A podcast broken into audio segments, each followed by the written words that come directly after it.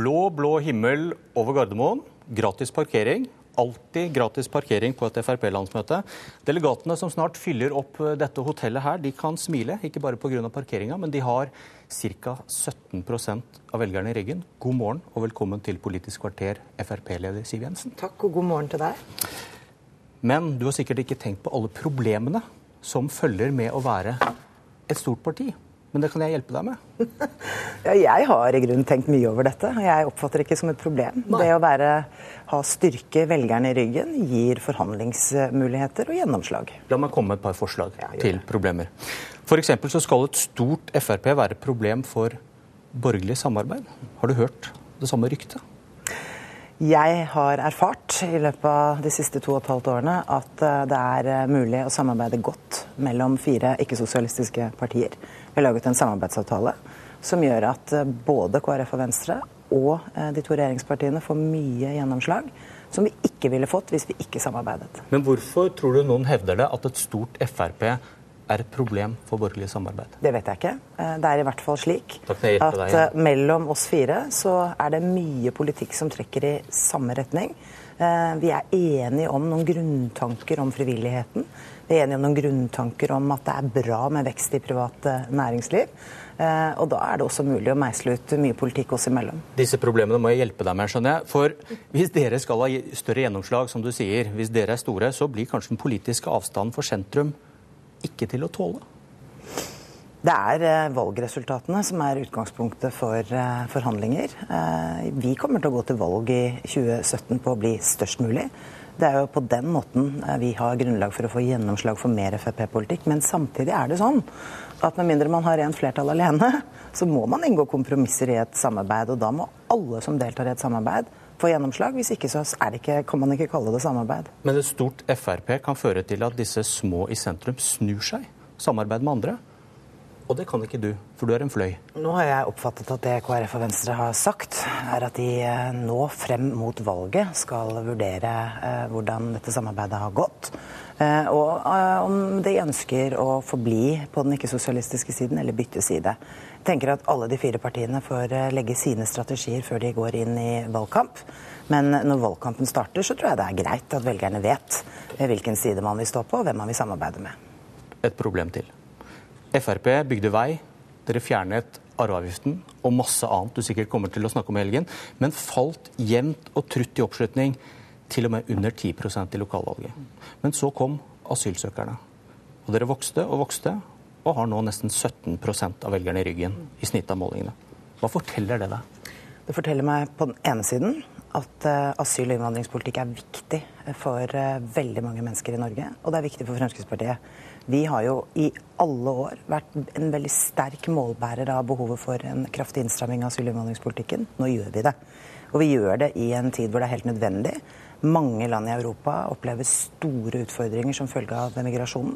Eh, og det er nødt til å tas grep. Men så tror jeg også eh, at eh, dette har en sammenheng med at Fremskrittspartiets velgere er utålmodige. Det, var, det, er jo sånn at Mye av det vi iverksatte det første året vi satt i regjering, det begynner man først å se resultatene av nå. Og jeg tror vi nå også høster en del gevinster av det.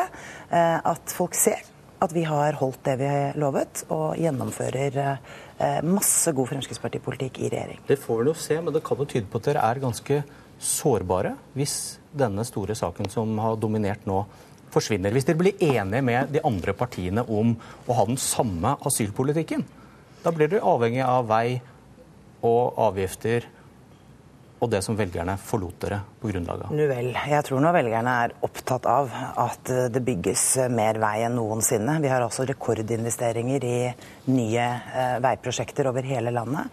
Baneprosjekter. Vi fornyer jo ved at vi aldri før har begynt arbeidet med å redusere vedlikeholdsetterslepet, som etter at vi kom inn i regjering. Og jeg vet at det også er en utrolig viktig sak for Fremskrittspartiets velgere, og vi leverer hver eneste dag.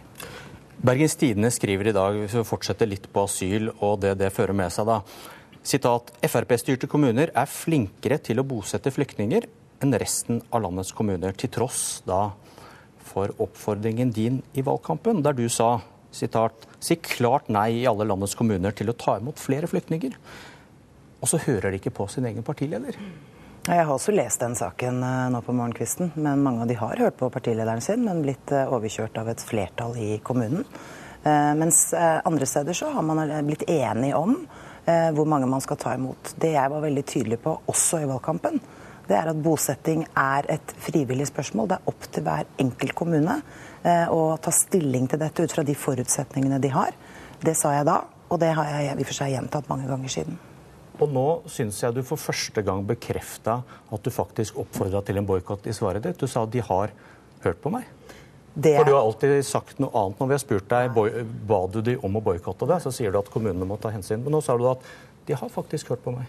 Jeg har ikke bedt kommunene om å boikotte. Jeg har bedt kommunene Si klart nei alle landets kommuner ja, til å ta med flere flyktninger. Jeg har bedt kommunene om å gjøre en selvstendig vurdering av hva de har kapasitet til å bosette.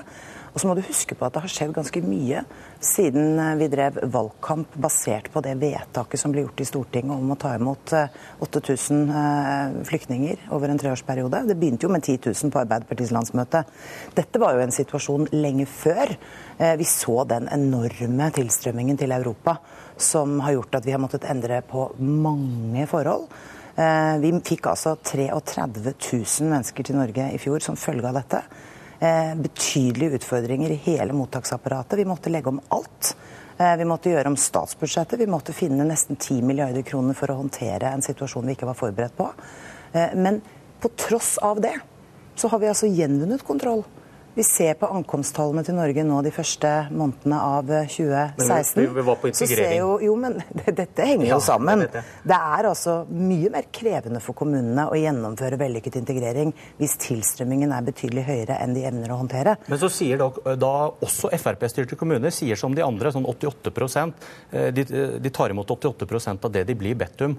Og da kan det jo være du tok feil i høst, at kommunene har ikke så store problemer med å ta imot, som var grunnlaget for denne oppfordringen din? Det jeg sa, var at kommunene selv måtte vurdere hva de hadde kapasitet til å håndtere. Men jeg har jo også understreket at regjeringen, eh, som jeg er en del av, hele tiden har sagt at vi skal følge opp de vedtak Stortinget har fattet, selv om Fremskrittspartiet stemte imot det. Okay.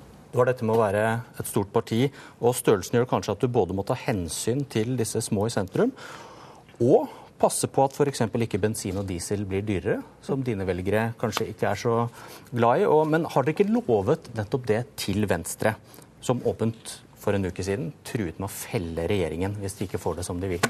Det vi har blitt enige om i budsjettet for inneværende år, er at vi skal eh, forhandle om hvordan vi skal følge opp Grønn skattekommisjon. Det er vi i gang med å diskutere. Og der har vi jo blitt enige om at vi skal ha en gjennomgang sektorvis. Det betyr at vi skal se på samferdselssektoren og se på hvordan vi kan veksle avgifter mot hverandre. Og Så skal vi se på landbrukssektoren, se om vi kan veksle avgifter mot hverandre. Og sånn skal vi gå sektor for sektor. Eh, det er i og for seg ikke så veldig problematisk, fordi Fremskrittspartiet har jo hele tiden sagt at forurenser skal betale. Eh, men forutsetningen for å få det til, er jo at vi må ha en felles vilje til å se på de samlede bilrelaterte avgiftene. Og jeg er altså mer tilhenger av å bruke gulrot enn å bruke pisk. Jeg tror at det gjør at du får folk med deg, i stedet for at de protesterer. Dere har da blitt enige om at utslippene skal betydelig ned allerede neste år. Og da blir spørsmålet igjen klarer man det uten at bensin og diesel blir dyrere?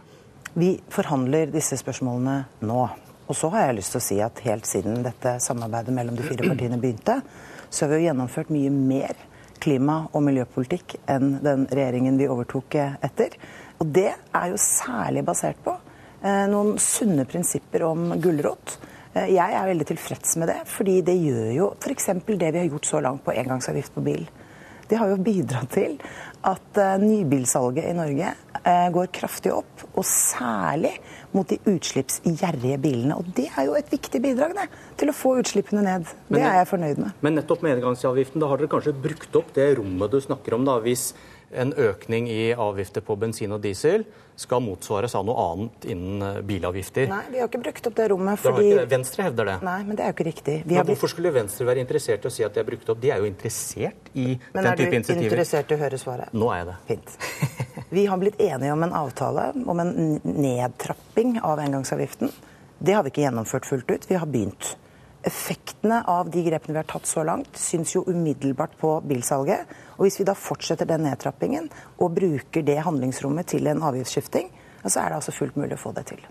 Hvis man skal tro Venstre, da, så blir jo dette da en slags slu måte å si nei til dyrere bensin på, fordi det ikke er noe rom for noe flere avgiftslettelse på bilsida, fordi man nettopp har blitt enige om en nedtrapping av denne engangsavgiften. Hvor, du, hvor på bilsida skal du hente de lettelsene som er miljøvennlige?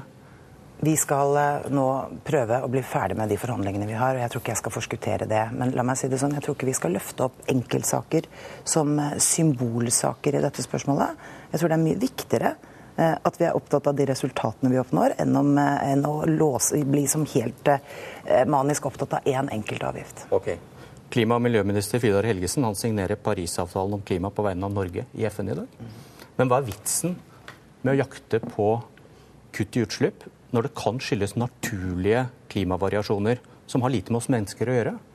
som det står i ditt program. Det er helt riktig at det står i Fremskrittspartiets program, men i den plattformen vi regjerer på, så har vi forpliktet oss til å forsterke klimaforliket. Og det har vi sagt helt siden vi kom ut av, eh, av de forhandlingene vi gikk med de andre partiene. Men du som styrer på bakgrunn av dette, på, eller du som leder partiet da, på bakgrunn av dette partiprogrammet, da må jo du mene at det vi nå gjør for å kutte utslipp, i, i samarbeid med Venstre, når vi signerer Parisavtalen, det kan være helt bortkasta. Fordi det kan være naturlige variasjoner og ikke menneskeskapt? Det står eh, flere ting i Fremskrittspartiets program. Blant annet dette. Ja, men det står også i vårt program om klima- og miljøpolitikk. Eh, prinsippet om at forurenser skal betale. Det står også mange ting som vi mener vil være fornuftig å gjøre. Det høres jo motstridende ut. da. Hvis det er naturlige klimavariasjoner, hvorfor da jakte på disse CO2-utslippene? Vi har jo pekt på en lang rekke ting vi mener det kan være fornuftig å gjøre eh, av hensyn til miljøet. Eh, som vi også gjennomfører. Men så er det et spørsmål om hvilke virkemidler tar vi i bruk for å oppnå dette. Eh, og jeg og Fremskrittspartiet er altså mer tilhengere av å bruke gulrøtter som virkemiddel enn pisk. Hvis himmelen fortsatt er blå-blå i 2017, da fortsetter du i regjering.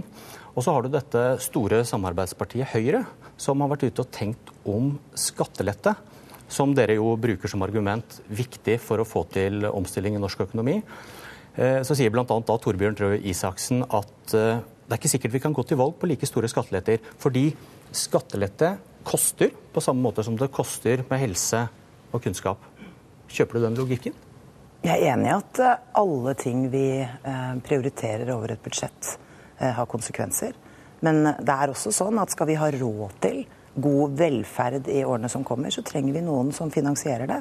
Da trenger vi lønnsomme, skattebetalende bedrifter eh, som kan skape nye arbeidsplasser.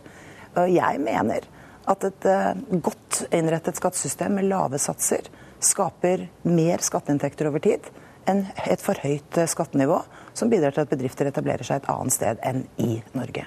Men Hva tenker du da om høyttenkingen til Røe Isaksen, som da sier at kanskje vi må velge vekk skatteletter nå i framtida fordi det blir for dyrt? Jeg er ikke enig i det. Jeg mener at det snarere tvert imot er noe av det smarteste vi gjør. Det er å innrette skattesystemet slik at det gir nye skatte- og avgiftsinntekter. Eh, det handler om å sørge for at bedrifter vil etablere seg i Norge og ikke i andre land. Eh, at de kan ansette flere og ikke færre. Sånt blir det mer skatteinntekter av. Så Fremskrittspartiet kommer ganske sikkert til å gå til valg i 2017 på å redusere skatter og avgifter. Og da er du leder. Du blir valgt på søndag hvis ikke noe veldig merkelig dukker opp. jeg har i hvert fall sagt ja. Hvis du ikke tar, betalt for parkering f.eks. Men hvor mange år har du igjen som leder før, uh, før du slår Carl I. Hagen? Ja, nå har jeg Nei, jeg tror ikke jeg skal ta mål av meg å slå Carl I. Hagen. Han har sittet, satt lenge som partileder. Det vil si at du går av en gang mellom 2018 da, og 2034? Ja, Da har jeg jo i grunnen god tid til å tenke meg om. Det er noe som heter å gi seg på topp. Jeg har, sagt, eh, jeg har, nå sagt, ja til eh, to nye år som partileder. Så får du spørre meg om to år hva jeg har tenkt å gjøre da. Tror du det venter et enda større Frp på deg i årene som kommer? Hva var det dere fikk ved forrige valg? 16,3? Det er vårt felles ansvar eh, å jobbe så hardt vi kan for at vi gjør et godt valg i 2017. Nå har vi begynt arbeidet å meisle ut strategien mot 2017 og 2019. Så skal vi jo denne helgen sette i gang arbeidet med et nytt partiprogram. Det tror jeg kommer til å bli bra, og jeg tror velgerne kommer til å fortsette å gi sin eh, tilslutning til Fremskrittspartiet. Du holder tale i morgen. Landsmøtet starter klokka 14. Takk for at du var med i Politisk kvarter, og godt landsmøte, Siv Jensen.